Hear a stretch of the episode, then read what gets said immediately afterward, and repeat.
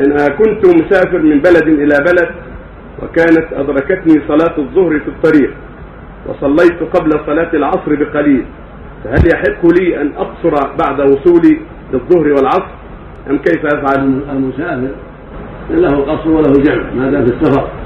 فإذا كان في السفر صلى الظهر والعصر جميعا فلا بأس. وإن صلى الظهر في السفر ثم وصل إلى أهله وقت العصر صلى أربع إذا وصل إلى أهله. ما ما صلاها في السفر وصلى إلى أهله صلاها أربعا وأما من صلاها في السفر صلاها مع الظهر اثنتين اثنتين نعم.